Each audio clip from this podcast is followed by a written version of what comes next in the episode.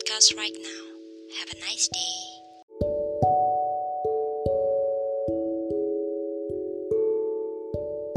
Hello, welcome back to Seki Podcast. Hari ini sedikit gloomy ya karena ini udah minggu kedua, minggu kedua lebih kita melakukan karantina mandiri di rumah. Mungkin rasanya udah mulai bosan, udah mulai jenuh, tapi terlepas dari itu kita harus tetap menguatkan hati dan diri kita supaya tetap di rumah aja agar kita membantu menghentikan penyebaran virus ini. Dan hari ini aku nggak mau ngobrolin soal corona dulu. Mungkin di episode selanjutnya aku bakal ngobrolin itu. But today I want to talk a lot about psychology major, especially buat kalian yang masih ragu buat nentuin masa depan. Karena mungkin beberapa untuk beberapa orang ya, topik ini akan sangat relate sekali dan topik ini juga sering ditanyakan gitu ketika aku menjadi ambasador kampus, aku keliling ke beberapa sekolah. Para siswa SMA sering menyelipkan pertanyaan ini ketika kita melakukan expo. Kayak, "Kak, gimana ya kira-kira peluang kerjanya lulusan psikologi?" Jujur aku bingung ketika ditanya pertanyaan semacam ini. Kayak aku sendiri sebagai mahasiswa psikologi tuh bingung gitu. Ya kalau menurut yang aku baca dan aku dengar kita bisa jadi HRD kita bisa jadi trainer guru terapis psikolog or maybe doing some research gitu. Tapi ketika pertanyaan itu dihadapkan langsung pada diriku kayak to be honest I'm very confused aku sekarang gini, aku sekarang duduk di semester 6 dan mungkin ini adalah kegelisahan para mahasiswa semester akhir gitu. Kayak what we will do ketika akhirnya kita lulus. Apakah benar dengan lulusan dengan menjadi lulusan psikologi kita akan mudah masuk ke berbagai peluang pekerjaan yang udah aku sebutin tadi? Kayak ah, tahu ya tiba-tiba ketika semakin kita deket dengan kelulusan tiba-tiba masa depan nggak jadi blur gitu loh.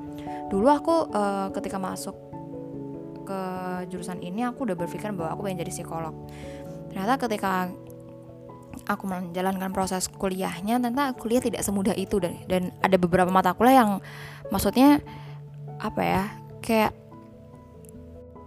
aku nggak bisa gitu loh. Maksudnya uh, ini agak menyulitkan untuk aku gitu. Dan ketika akhirnya aku harus misal aku S2 karena untuk jadi psikolog kita harus ngambil profesi ya aku bakal ketemu mata kuliah semacam ini lagi gitu. Dan of course itu kayak uh, aku bisa nggak ya ngehandle nya gitu. Misalnya aku bisa coping dari tekanan itu nggak ya? Tapi kalau misal dipikir-pikir aku juga pengen jadi HRD gitu. Intinya serba bingung sih. Mungkin untuk beberapa apa namanya nggak terbatas di psikologi aja mungkin di jurusan lain juga merasakan demikian gitu. Karena ketika kita mau masuk jurusan tertentu dulu kan di kelas 12 kita pasti udah kayak uh, melakukan sedikit riset gitu. Kayak apa sih peluang kerjanya? Uh, kira-kira kalau kita masuk lulusan ini mudah nggak kita buat cari kerja? Tapi ternyata ketika kita dihadapkan langsung uh, kita udah menjalaninya ternyata tidak semudah itu gitu.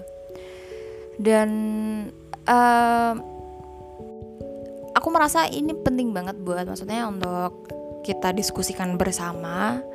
So aku uh, karena aku nggak mau sendirian karena aku kebetulan adalah sebagai orang yang sedang merasakan itu kalau aku berusaha untuk apa ya lagi butuh insight juga gitu loh untuk kegelisahan ini. So today I want to invite one of guest star. Bukan salah satu sih cuma satu doang. Jadi hari ini saya podcast kedatangan bintang tamu.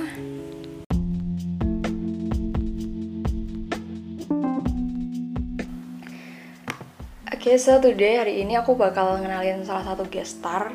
Uh, her name is Betari Aisyah she's one of my kakak tingkat ya. Jadi kalau di kampus kayaknya nggak tau nggak bakal ada yang nggak tahu dia. Uh, dia sangat berprestasi lulusan cum laude pernah kerja di salah satu startup Relief.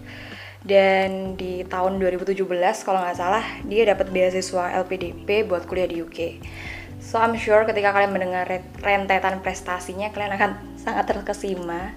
That's why dia adalah salah satu inspirasiku ya waktu aku kuliah uh, apalagi waktu itu dia kalau nggak salah pernah jadi pembimbing debat juga. Aku waktu itu pengen banget belajar cara debat karena uh, basicnya aku suka ngomong dan maksudnya gimana caranya biar aku bisa ngomong secara tepat dan nggak jadi kayak debat kusir gitu loh. Tapi terlepas dari itu aku sangat ingin mengadopsi cara berpikirnya. So this totally awesome for me. Dan tanpa tunggu lama-lama please welcome to Kak Betari Aisyah. Halo Kak Oh, hai Ron. Oke, okay. gimana kak kabarnya di sana? kabarnya sedang lockdown. Soalnya- kita semua di rumah aja. Oke, karena di berita UK Kenapa? udah di berita UK udah mulai itu ya menerapkan lockdown gitu ya. Udah udah berapa hari ini sih? Ada seminggu kali ya. Oh, udah seminggu. Udah beberapa hari sih. Iya. Jadi ya agak rindu jalan-jalan di taman, but ya ya udahlah ya. Oke, tapi eh, berarti orang-orang benar-benar nggak boleh keluar rumah gitu ya kak? Kalau lockdown tuh. Sebenarnya bukan nggak boleh keluar rumah, Mm-mm. dibatasi banget. Jadi kita tuh boleh keluar rumah sehari sekali, itu pun nggak boleh berkerumun gitu loh. Jadi Oh, cuma boleh untuk kepentingan-kepentingan yang esensial, misalnya belanja bahan kebutuhan atau Oke. olahraga gitu. Tapi lepas dari itu tidak disarankan gitulah, Ah. sangat tidak disarankan gitu. Mm-mm. Oke, tapi hari ini kita nggak bicarain soal corona, but everyone, anu ya, tetap maksudnya tetap butuh buat physical distancing karena semakin cepat kita nurut buat di rumah aja kan semakin cepat musibah ini selesai gitu kan kayak. Semoga ya, iya benar banget, benar banget. Semoga kita berusaha Iya. nih.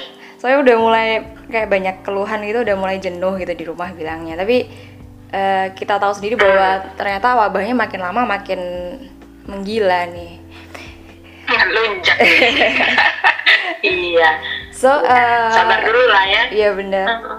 As I say tadi di awal aku udah sedikit cerita kak. Jadi eh, di opening tadi aku cerita soal kegelisahan kita sebagai seorang mahasiswa semester 6 gitu.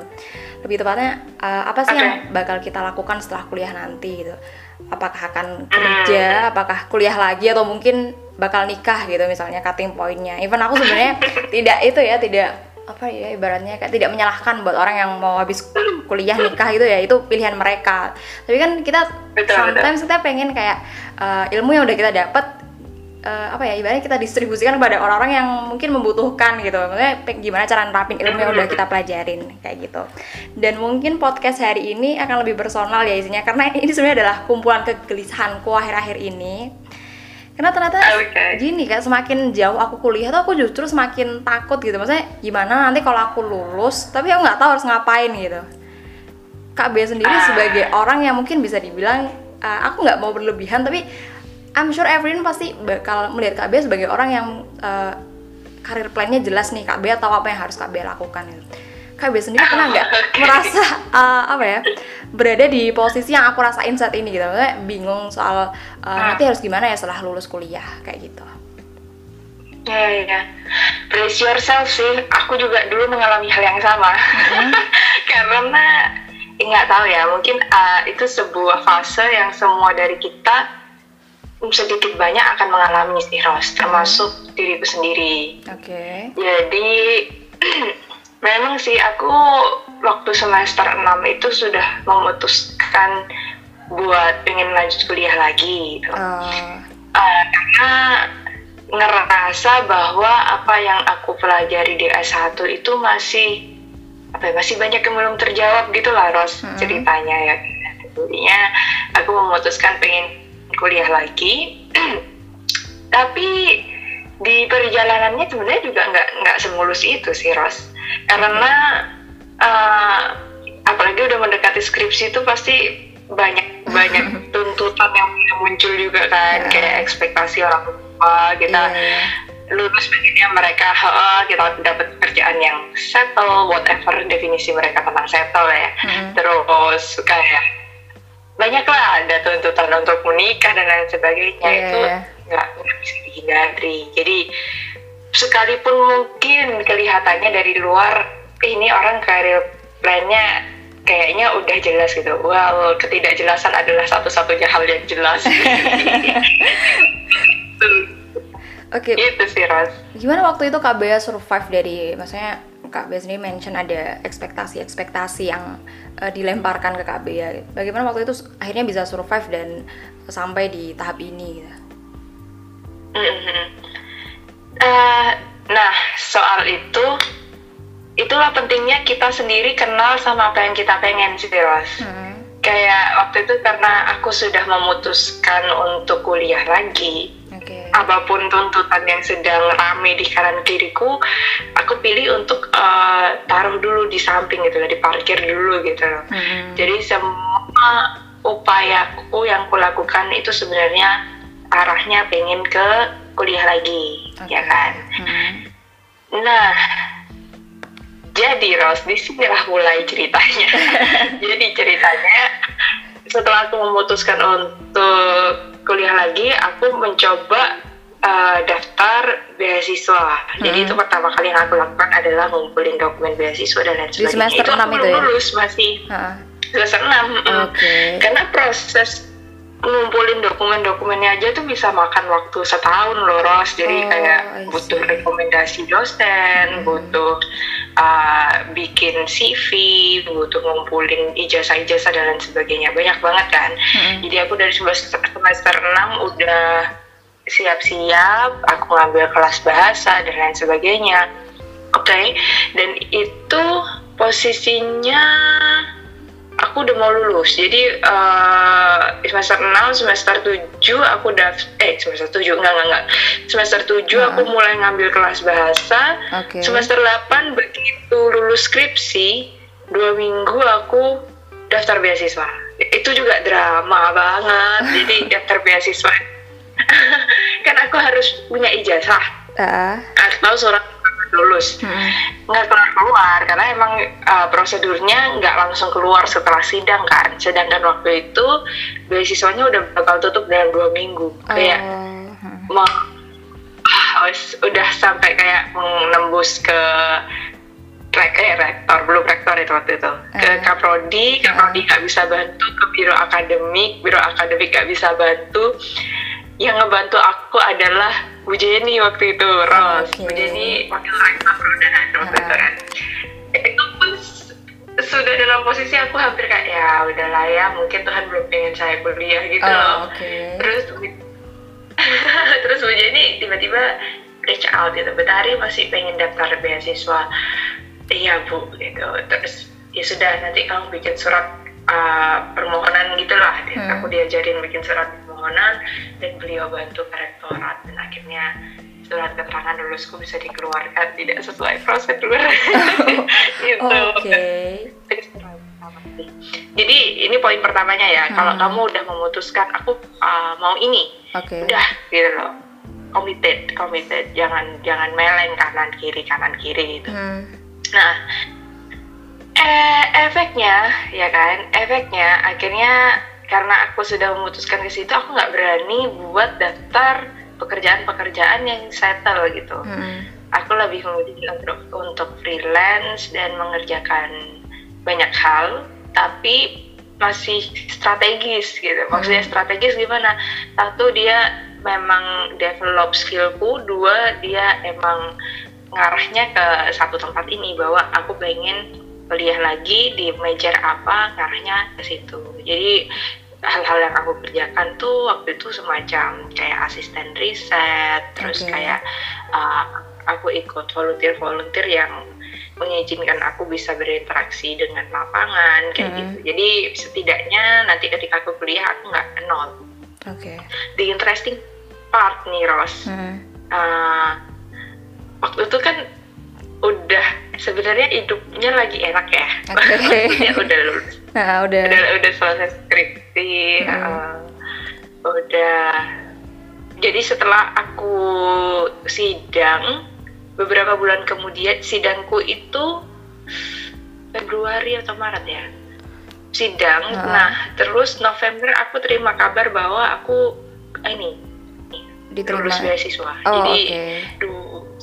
Iya sebulan dua bulan setelah wisuda aku terima kabar lulus beasiswa. Bener- Benar-benar sebenarnya my life was oke gitu loh Ros. Lulus cum laude, Terus langsung terus oh, dapat beasiswa gitu ya. Ah. Mm, mm, mm, beneran deh enak banget lah hidup hidup. Meskipun ya mungkin tidak punya pekerjaan tetap seperti teman-teman yang harus pakai seragam dan lain sebagainya. Kadang iri juga ya jadi freelancer itu kan kerjanya pakai baby doll di rumah gitu loh tapi Work from home. tapi ya intinya oh, oh intinya cukup lah hidupku lah Oke. Hmm, tapi strange part Ros waktu itu susah. Aku mengalami fase di mana uh, susah banget gitu loh ngerasa bersyukur Hmm. jadi kayak semuanya kerasa gelap aja gitu jadinya uh, kadang juga waktu itu bertanya-tanya apa sih lo ini, ini dapat semua yang kau pengen dapat Hmm. everything is going well Oke. bisa dibilang it was the best stage of my life but at the same time aku nggak bisa lihat itu waktu itu itu sih Oke. Kalau, um, Ah-ah.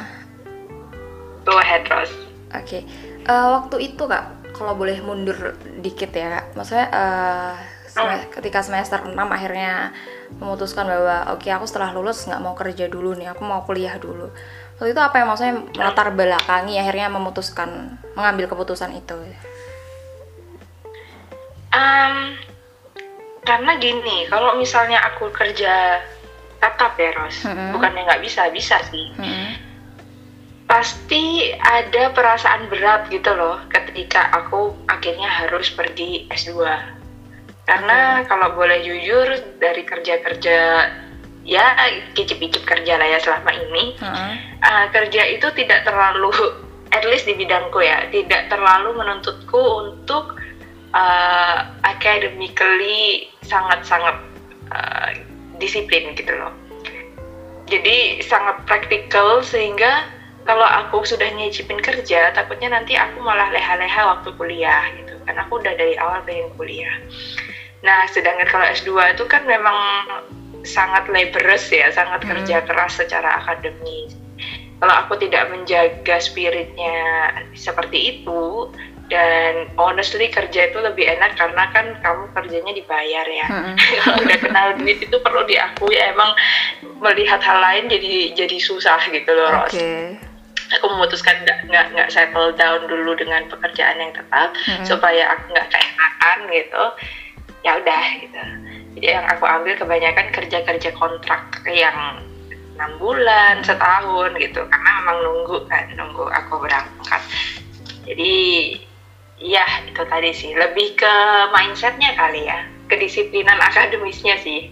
Kalau dikerjakan nggak harus baca jurnal tiap hari gitu kan. Nggak harus yang ngerjain tugas gimana gimana gitu benar-benar praktikal banget dan aku takut untuk malah jadi goyah keinginanku gitu Oke. Ros Eh, Hmm, kalau boleh tahu nih kak, maksudnya eh, dari awal ketika akhirnya memutuskan masuk jurusan psikologi nih, cita-cita awal, ekspektasi awal tuh eh, setelah lulus tuh pengen jadi apa? Maksudnya kalau aku sendiri tuh ketika aku masuk psikologi tuh aku pengen jadi psikolog gitu, tapi ternyata ketika dijalanin di proses kuliahnya tuh nggak semudah itu ternyata untuk jadi psikolog kamu perlu kuliah lagi S2 gitu kan untuk ngambil profesi gitu.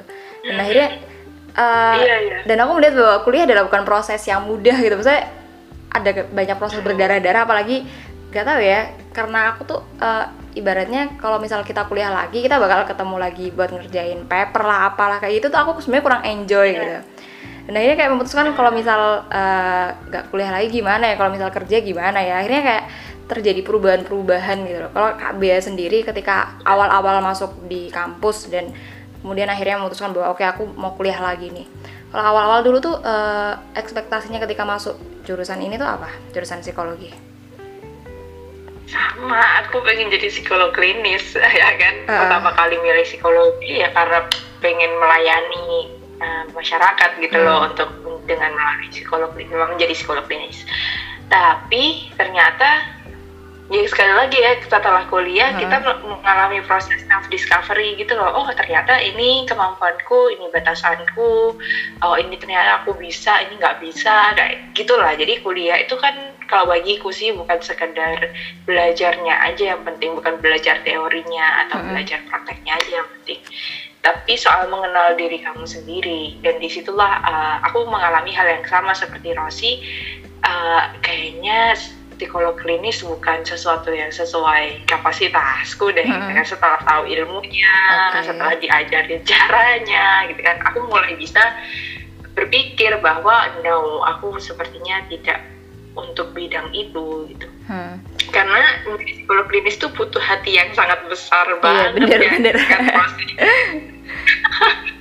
Aduh, aku kayaknya nggak punya sih ka- kapasitas seperti itu, Oke. gitu. apalagi kalau sudah masuk uh, mata kuliah yang mengizinkan kita bertemu klien. Hmm. Di situlah ketemu sekali dua kali, ah, oke lah. Begitu ketemu sebulan gitu kan, tiga kali, empat kali lah kita ikut stres gitu.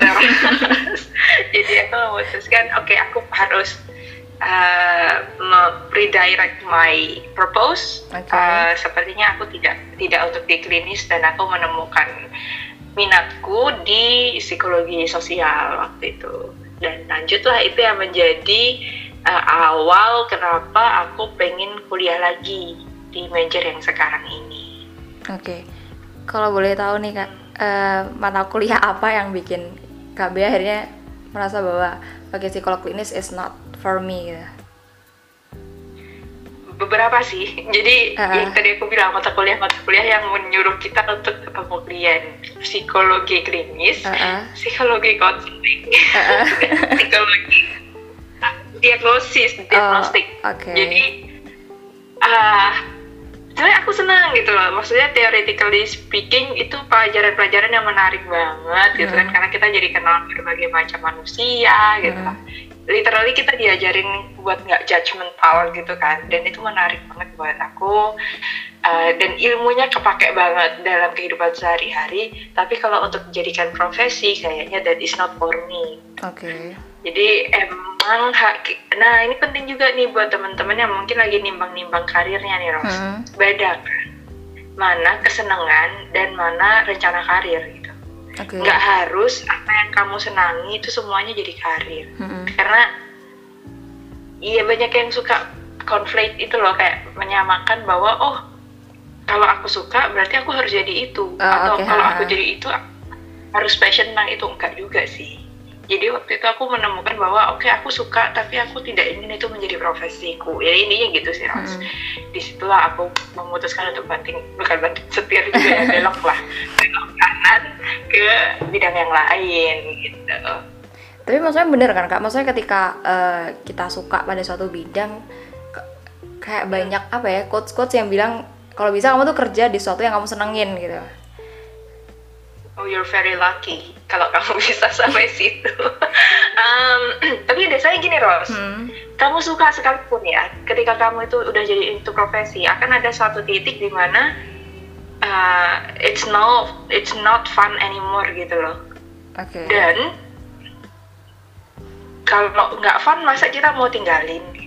Kalau aku sih nggak terlalu percaya sama follow your passion ya follow your passion sih gitu kamu harus tahu apa yang kamu bisa apa yang kamu suka dan apa yang kamu yang you're good at gitu Hmm. tapi aku lebih percaya dengan konsep passion follows you Oke. jadi kamu kerjain dulu Mm-mm. kamu cobain dulu kamu lihat dirimu sendiri how performamu bagus nggak di situ? Apa yang kamu rasain ketika ngerjain itu? Ketika ada kesulitan stagnan dan sebagainya kamu bertahan enggak kenapa kamu bertahan? Di proses itulah yang jauh lebih penting. Kalau di masa-masa sulit ke- uh, pun kamu bisa berkomitmen that might be uh, passion sedang mengikuti kamu gitu senang nggak senang itu kan kalau orang Jawa kan within interest aja lah Oh. gitu, gitu kan karena Iya. kamu biasa makanya kamu jadi kita gitu itu aku lebih percaya dengan konsep seperti itu so kalau kamu di awal nggak suka-suka banget tapi kamu tahu you're good at that kamu bisa kerjakan dengan baik coba aja dulu siapa Oke. tahu cinta gitu Oke, berarti itu kuncinya ya Oke, berarti kuncinya gini ya kak. Maksudnya kita eh, kita bisa explore to anything ya. Even ketika kita kuliah pun kita kan ditemukan pada berbagai macam mata kuliah gitu yang mungkin psikologi kayak pio, psikologi yang pokoknya intinya bahas soal perusahaan gitulah ya. Atau mungkin psikologi klinis yang menangani eh, abnormal gitu. Atau Iya. mungkin eh, ah, nah hal-hal kayak gitu tuh eh, sebenarnya bukan apa ya, kayak lebih bantu kita buat nemuin apa sebenarnya yang kita inginkan gitu.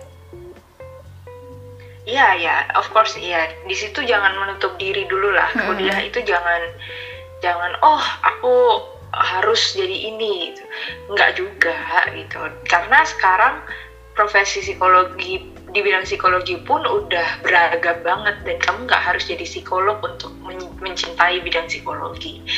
Uh, um, ya kebetulan sih memang memang aku sempat berkecimpung di psikologi klinis juga di Rilit itu Hmm. jadi aku sempat ngicip lah ya gimana eh, pekerjaan para psikolog klinis itu sehari-hari aku memperhatikan dan Oke. berinteraksi dengan mereka Mm-mm.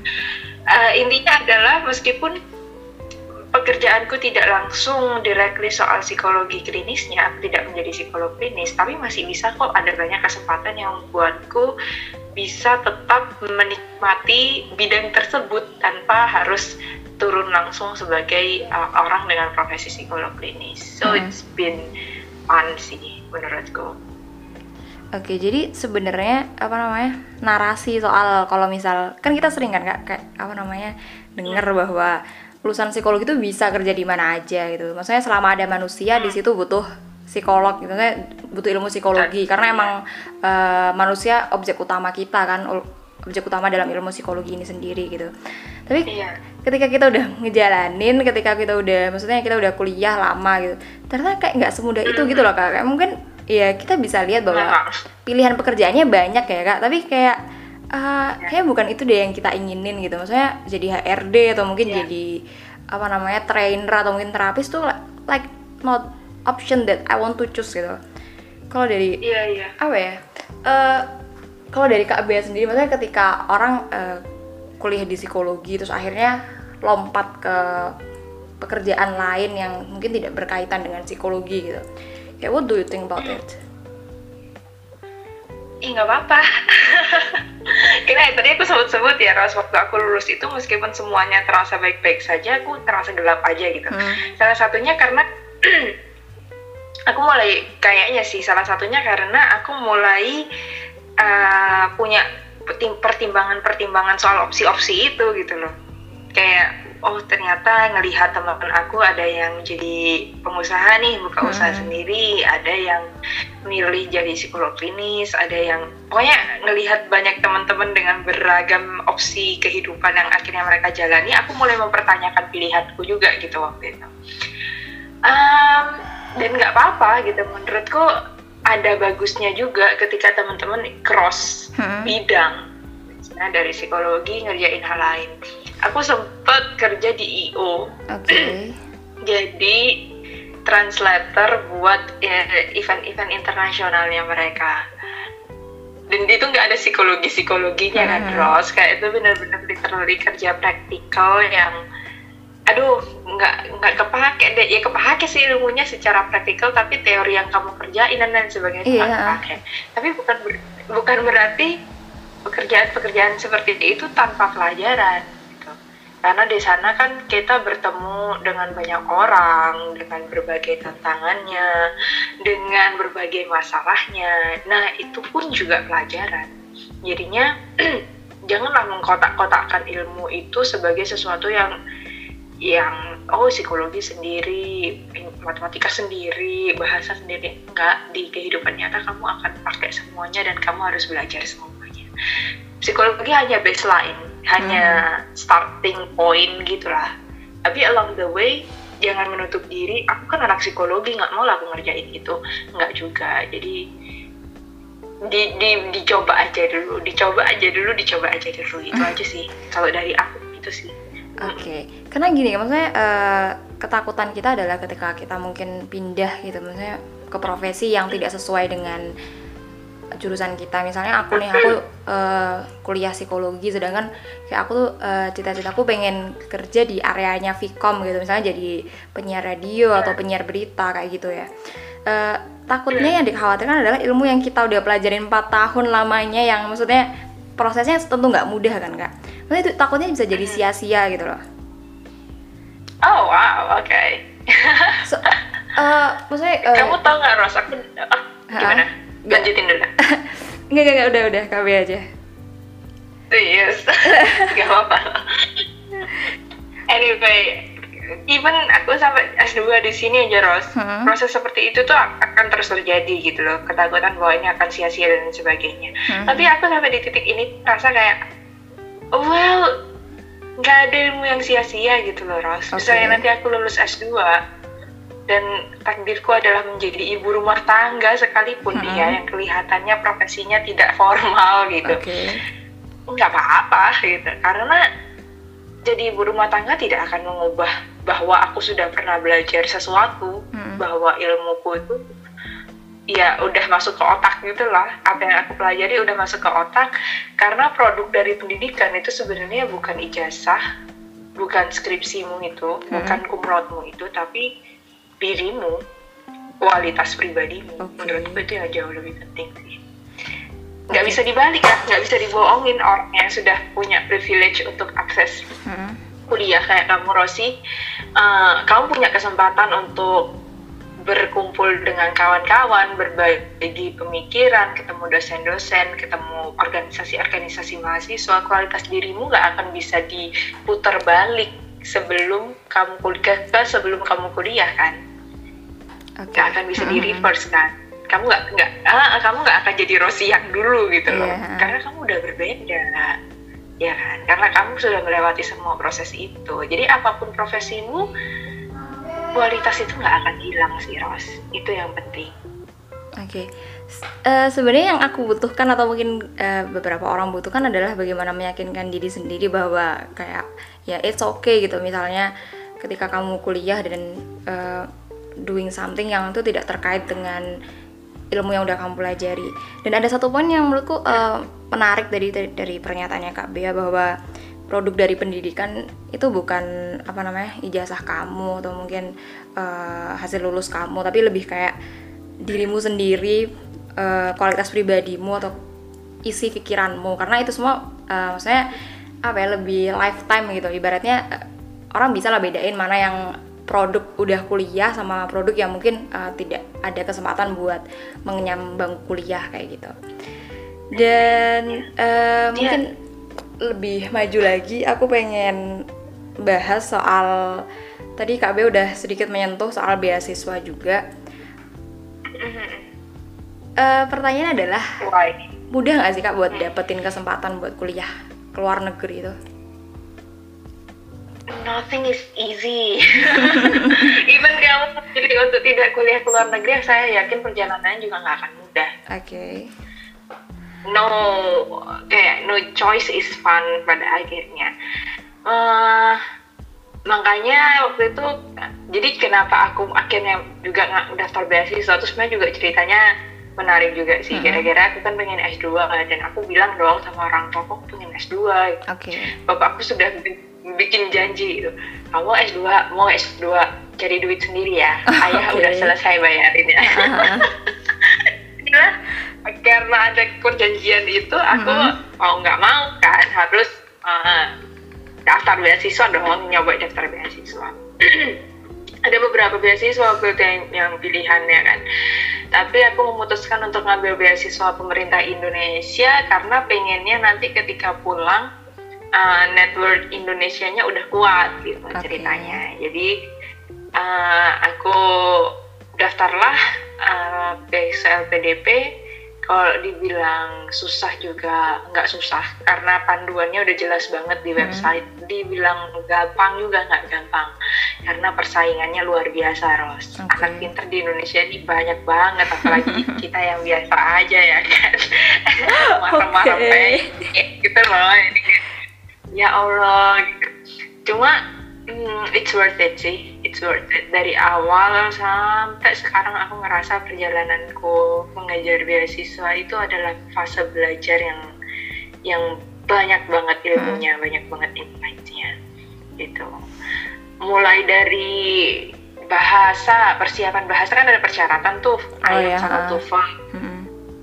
Itu aja belajar bahasa kamu bisa bahasa Inggris aja tuh nggak cukup buat tes Oke. kesetaraan bahasa itu jadi emang harus menghambelkan dirimu untuk eh, kayak UN lah ya kan Ha. kamu pintar matematika kalau kamu nggak biasa ngerjain soal UN ya matematika kamu mungkin nggak 10 kan kayak gitu Oke. jadi eh, ya itu sebuah proses disiplin diri, proses komitmen, proses konsisten, proses rendah hati itu semuanya belajar di situ sih. Oke. Itu, Tadi itu Kak- yang hmm. bagian paling menantangnya. Tadi Kak Bea sempat nyinggung soal tahap yang apa namanya belajar bahasa juga ya.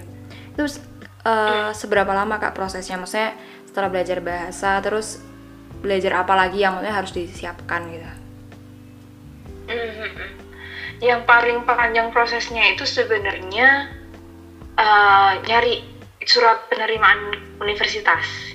Jadi Oke. kan persyaratannya LPDP itu uh, aku nggak tahu yang peraturan terbaru gimana ya. Tapi Hmm. zamanku itu aku boleh daftar LPDP dulu baru nyari universitas. Hmm. Nah waktu itu posisinya aku uh, sebelum daftar LPDP aku belum eh udah udah daftar universitas cuma masih kondisional masih penerimaan bersyarat gitulah karena nilai bahasaku belum nyampe Oke. belum nyampe persyaratan mereka. Mm-mm. Nah itu eh, akhirnya kan aku tes lagi, aku coba tes lagi yang kedua, eh nggak nyampe lagi. Emang kok ilmu sosial ini standarnya agak agak ya gitulah. Saya kayaknya agak lo- lola gitu, tapi eh, ya karena udah i- kembali lagi karena aku udah komit, aku pengen di situ, aku kejar kan terus. Mm-mm. Tes kedua nyampe, oke. Ke- Tes ketiga nggak nyampe, oke. Ini udah ngulang tiga kali nih, mana tesnya bayar kan terus. Itu Oh udah ya. ah kerja keras sebagai kuda ngumpulin duit buat tes gitu ketiga oh my god ini aduh gimana dia aku curhat lah ke Pak Joni waktu itu kan Oke. beliau dulu mantan pembimbing skripsiku jadi- dan kami kebetulan jadi teman baik gitu loh Mm-mm. curhat lah aku sama beliau gimana lah aku nih Pak apakah aku nggak jadi kuliah aja ya ini kok kayaknya nilai nggak nyampe nyampe terus Mm. beliau bilang kenapa nggak coba kampus yang syaratnya lebih gampang tapi standarnya sama lah uh, nggak lebih rendah dari pilihanmu sekarang waktu itu aku pilih psikologi sosial di University of Sussex Oke. di Inggris juga Mm. Cuma ya itu tinggi banget kan standarnya. Terus aku nyoba lah saran beliau kampusku yang sekarang ini. Mm. coba kan Ros? Aku 2018 jadi aku 2017 lulus beasiswa 2018 aku coba daftar di sini. Dapat diterima Ros. Nah. nah setelah dapat surat terimaan itu kan aku update ke beasiswa kan. Oke. dan you know what? Ternyata beasiswaku advice sebagian orang di angkatanku buat mundur. Mm-mm. uh, berangkatnya karena satu dan lain hal ada kebijakan mereka. Nggak bisa semua diberangkatkan pada tahun yang sama. Jadi ada yang yang duluan ready itu bisa berangkat. Yang dapat penerimaannya belakang-belakang nih kayak aku itu Nah. nunggu nunggu. Oh, oke lah. Aku coba. Aku lagi kan? Heeh. ya nggak apa-apa lah ya. Setahun lah ya. Ke kampusku oh, waktu itu belum kupikir bakalan mundur setahun sih tapi ya ya adalah kupikir ah mundur lagi nih ya udahlah Hmm. akhirnya aku pak ngomong ke kampus bahwa aku harus mundur karena urusan beasiswa aku begini-begini dan you know ternyata kampusku bilang "Ah, sorry kita nggak bisa ngelakuin itu tahun ini karena next year ah, standar bahasa kita naik Oh, oke. kamu bos Berarti harus tes lagi ya, Kak ya. ya? Udah tiga kali tes kan ya Heeh. Tuhan akhirnya aku tes lagi yang keempat kalinya tapi kayak di situ aku belajar buat nggak sombong sih mungkin di tiga tes kemarin aku cukup takabur kali ya jadinya di mau tes keempat itu aku les lagi Oke. aku eh, aku ca- cari info guru yang yang legend gitu lah. Nemu guru satu guru bahasa Inggris yang cukup legend di Surabaya udah sepuh. Mm-mm. eh, namanya Pak Yunus. Oke. itu aku dikasih tahu salah satu temen-temen beasiswa juga. Coba kamu ke beliau. Wadaw keras emang cara ngajarnya. Ah. kayak aku diajar beliau itu tiga bulan. Eh tiga bulan empat bulan ya. Aku ngerasa kayak ya Allah perasaan bahasa Inggrisku nggak jelek-jelek amat ya. Kenapa tiap kali les gue hujat ya Oke, terus? Ya kan sampai stres. Nggak mau mau les terus aja. Ya Allah ya Rob ya. Kayak kayak Mhm. kayak cemas banget gitu kan. Jadi tapi ya udah gitu. Ketika aku dihujat gitu aku cuma kayak baik Pak. Jadi apa yang apa yang sebaiknya saya lakukan. Mm-mm. itu pelajaran yang berharganya Ros. Bisa bilang baik Pak saya salah apa yang bisa saya lakukan? Iya, iya. itu menurutku pembelajaran yang lebih dari eh, dari bahasa Inggrisnya sendiri. Mm-mm. kalau misalnya grammarku salah gitu ya Ros dilempar tahu bukuku. Stres banget aku tulis tapi it's worth it it's worth it. Nilaiku naik pesat. Hah. dan akhirnya bisa bisa dapat kuliah di kampus sekarang ini. Tapi memang mundur kan dua tahun dari pertama kali pengumuman beasiswa. But that's okay. Karena ternyata Tuhan pengen saya banyak belajar dulu sebelum sampai di sini sih. Salah satunya dengan guru yang suka melempar buku. Makasih kak. Berarti sekarang sangat berterima kasih ya kak sama Pak Yunusnya. Pak Yunus ya tadi bener kan? sangat iya betul betul. Sangat sangat berterima kasih. Sayangnya beliau nggak pakai sosmed ya. Beliau Bisa. Bisa dipromosiin ya. telepon. Iya telepon rumah. Tapi benar-benar deh belajar sama beliau ini lebih dari sekadar belajar bahasa. Ini belajar jadi pembelajar deh sumpah. Dan itu aku bersyukur banget. Tuhan nyuruh saya mundur setahun tuh mungkin saya harus ketemu dulu sama Pak Yunus ini. Suruh belajar dulu yang yang benar jadi manusia Oke, jadi eh, tadi Kak Bea juga sempat apa bilang kalau selama 2 tahun kan mundur ya. Hmm. Itu selama 2 tahun itu eh, maksudnya kan udah lulus kuliah, maksudnya nggak ngapa-ngapain selain mempersiapkan buat bahasa tadi gitu. Selain mempersiapkan bahasa ada kegiatan lain yang Kak Bea lakuin gak sih? Oh tentu mencari penghidupan.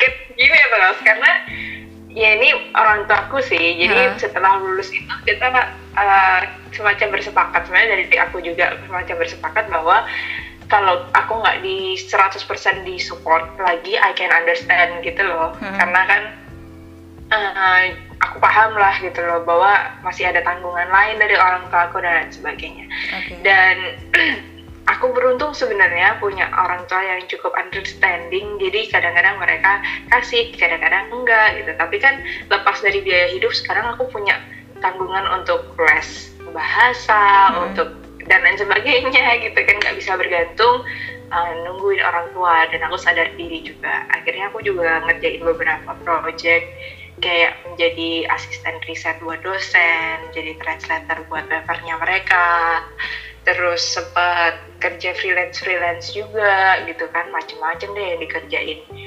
Jadinya eh, gimana caranya kebutuhan hari-hari juga tercukupi. Mm-mm. Tapi ini pentingnya juga, kalau saya juga nggak pengen teman-teman terus dapat bayangan, berarti kerjaan kerjaan apa aja boleh nih nggak juga Oke. harus atur strategi juga Ros Mm-mm. gimana caranya apa pun yang kamu kerjain itu contribute sama purpose-mu di akhir.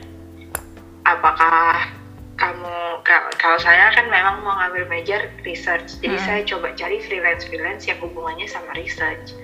Oh, jadinya saya lebih familiar eh, familiar sama bidang itu familiar sama orang-orangnya familiar sama pekerjaannya. Meskipun mungkin pekerjaannya remeh ya fotokopi Mm-mm. lembar survei. Jadi ada peneliti yang pengen pengen ngambil data. Tugasku adalah fotokopi Oke. ya Allah lulusan S1 fotokopi? Gitu kan. Tapi frame berpikirku waktu itu adalah dengan aku mengerjakan itu aku bisa lihat cara dia nyusun kuesioner. Oh pertanyaan ini ditaruh di awal. Oh ini taruh di akhir. Oh kayak gini ya uh, biar orang enak bacanya dan nggak capek isinya. Terus kalau aku nggak ngerti aku tanya sama yang punya kenapa pak? Kok bikin kayak begini? Hmm. bukannya begini ya?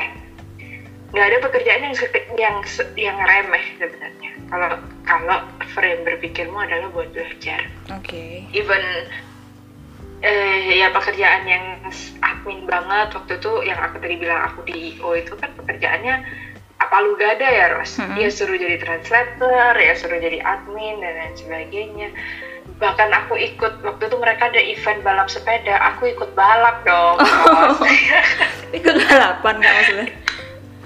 mungkin kelihatannya irrelevan ya Ah. irrelevan banget Ain mau S2 kok kerjain begitu tapi di situ aku belajar memanage waktu ya Hmm. kan belajar bekerja dengan uh, tekanan dengan yang satu lagi ada masalah yang satu ikut cranky yang satu ikut marah-marah gimana Hmm. kita nggak ikut cranky gitu ya jadi uh, kembali lagi sih kamu harus punya tujuan akhir dan pilihan-pilihan serabutanmu itu harus ngarahnya ke tujuan akhir itu baik itu secara explicitly secara pekerjaannya maupun secara mindsetnya itu sih Oke.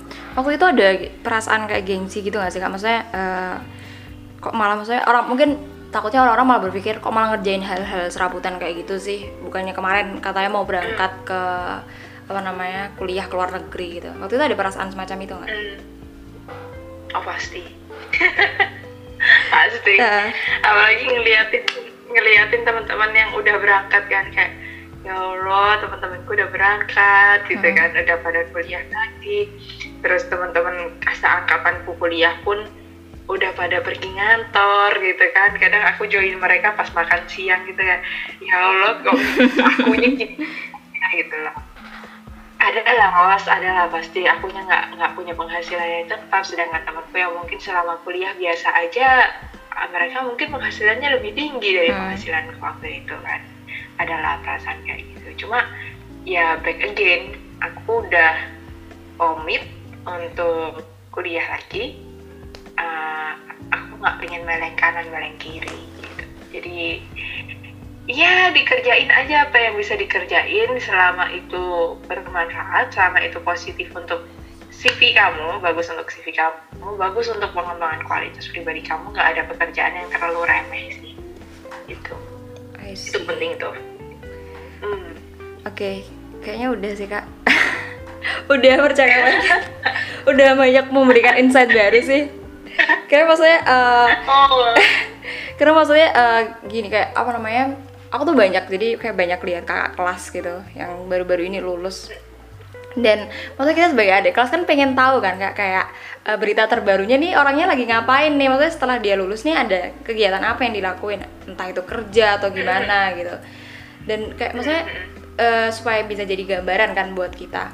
Tapi ada satu Iya. eh, cerita menarik tuh kayak gini kak. Jadi eh, ada kakak kelas yang dia tuh kembali ke kampus. Ibaratnya dia akhirnya kerja di kampus gitu dan menurutku tuh kayak masa iya sih kayak aku nanti kalau misal lulus aku bakal kayak dia gitu misalnya kerja di kampus lagi kayak gengsi gitu gak sih kak? Karena KBS sendiri kan KBS sendiri pernah kerja gitu kan maksudnya setelah lulus kan pernah jadi tadi aku sempat eh, dengar pernah jadi, jadi asisten dosen juga gitu bantu-bantu Iya. mata kuliah gitu. Waktu itu KB ada perasaan semacam itu nggak? Maksudnya gimana cara mengatasi pun kalau itu pun terjadi gitu awalnya juga ini sih Ros apalagi pertama-pertama habis lulus skripsi itu ya Mm-mm. pergi ke kampus tuh kayak malu banget gitu loh kayak ih ngapain kamu masih di sini gitu iya kan iya tapi itu ke aku lama-lama sih kayak ya itu hubungan tetangga ya gitu Mhm. tapi yang penting kita sendiri ngerti kenapa kita berada di sini Mm-mm. karena UC itu eh, meskipun mungkin kampus swasta tapi ada banyak sekali ruang buat belajar. Orang-orang di dalamnya person-person di dalamnya itu adalah orang-orang yang bagus-bagus yang mana kalau aku bisa menjalin relasi yang bagus dengan mereka professionally ya aku bisa belajar banyak. Ya I end up sempat kerja jadi asisten dosennya Bu Jenny kan dua Hmm. kali tahun ajaran dan satu tahun ajarannya jadi asistennya Pak Joni. Oke. Lepas dari itu menjadi asisten dari dosen-dosen lain di bagian lain untuk riset-riset mereka. Hmm. dan I did regret that sungguh deh jadi em, karena apa ya? Akhirnya aku punya kesempatan untuk kenal mereka secara personal. Em, benar-benar ngobrol sebagai teman bukan sebagai mahasiswanya. Dan itu pelajaran yang berharga buatku Oke. sangat sangat berharga. Even akhirnya bisa bisa deket dengan yang tadinya waktu kita masih mahasiswa mungkin terasa nggak terjangkau gitu, Mhm. kayak bapak ibu rektor ya kan? Eh, terus dosen-dosen yang dulu-dulu dewa-dewa ya profesor-profesor itu oh gitu. Waktu mahasiswa kita ketemu aja mungkin nggak berani. Tapi Hmm. karena sekarang saya bekerja untuk institusi mereka kita jadi rekan sejawat gitu loh. Dan itu dan itu berharga juga itu bukan sesuatu yang perlu kalian ngerasa malu selama kalian belajar sesuatu nggak ada jangan malu untuk belajar sesuatu jangan malu untuk melakukan hal yang baik gitu aja Oke. Oke, so uh, kalau dari percakapan ini aku tarik beberapa poin penting gitu. Maksudnya pertama adalah bagaimana kita supaya tetap bisa komit sama apa yang udah kita tentuin gitu. Even ketika kita belum Iya. menentukan apa ya, belum menemukan apa yang kita maksudnya pengen kita fokusin atau yang kita pengen komitin, kita tetap bisa buat explore anything karena walaupun beberapa kali mungkin terasa kayak ini nggak sesuai deh, maksudnya Iya. tidak sesuai dengan jurusanku deh. Mungkin kita bisa tetap apa namanya ada pelajaran gitu loh di balik Pasti. itu dan eh, True, ya. so eh, thank you kak buat ngobrolnya hari ini aku jujur banget Thank kayak so sangat sangat terbantu sekali karena maksudnya itu kegelisahanku akhir-akhir ini dan ketika ada teman buat ngobrol itu ternyata oh oke kalau gitu maksudnya kalaupun nanti eh, hal-hal kayak gini terjadi di di masa depanku aku bisa aku tahu gimana cara buat copingnya kayak gitu Iya ya. Mungkin satu lagi Ros, Mm-mm. aku tuh rasa sukses di usia muda itu sesuatu suatu tekanan yang kita tidak butuhkan. oke Jadi um, intinya adalah kalau aku bisa tarik benang merah ya, yang Mm-mm. dengan aku sampaikan tuh sebenarnya jangan merasa tertekan sukses, sukses di usia muda. Hmm, Memang saya saya sangat encourage teman-teman untuk menentukan purpose-nya, pilih purpose-nya. Oke, dari semua hal yang menarik saya mau kejar yang satu ini. Itu Oke. penting. Uh, tapi along the way akan ada banyak hal yang teman-teman bisa temukan dan let it flow, take your time, hmm. Brace yourself. It's not gonna be fun, tapi ya, it's gonna be okay. oke Gitu ya, Res ya. Oke, thank you kak. Intinya eh, kita apa ya bebasin diri kita buat bertua- berpetualang sejauh-jauhnya ya kak ya. Yes, yes. Oke, saya- IG ku kan namanya uh, apa full time explorer kan. Oh ya di bio-nya. oh bisa kak. Sebelum closing promosi dulu Instagram dan karena KB ini juga podcaster, so bisa dikenalin podcast KB apa dan Instagram KB apa. Oh sure, buat teman-teman yang pengen keep in touch silakan Hmm. bisa kontak di IG at Betari Aisyah. Hmm. Nggak pakai Y ya, biasanya orang tuh salah karena pakai Y Betari Aisyah. Oke. Uh, atau di podcast Bet Halo. Ya, dan uh, di situ aku banyak bahas uh, isu-isu tentang quarter life crisis, Ros. Oke. Sorry kak, tadi keputus eh, boleh disebutin ulang podcast nama podcastnya? Oh, sorry. Eh, Nah, podcastnya Beta Cerita, B E T A C E R I T A, bisa Oke. cari di Spotify. Oke. Bicara soal Iya. Dan di bicaranya banyak soal quarter life crisis. Jadi ya pergumulan-pergumulan seperti yang kita bahas barusan ini. Hmm. Uh, di situ ada banyak topik dengan berbagai tema di area tersebut gitu, Ros. Oke. So thank you kak. Eh, sekali lagi aku thank you banget KBO udah mau datang ke podcastku. Dengan senang hati. Semoga sehat-sehat terus ya kak. Eh, titip salam. Thank you. titip salam juga buat teman-teman di sana. Thank you, thank you. Oke, so eh, see you next time kak. See you, bye bye.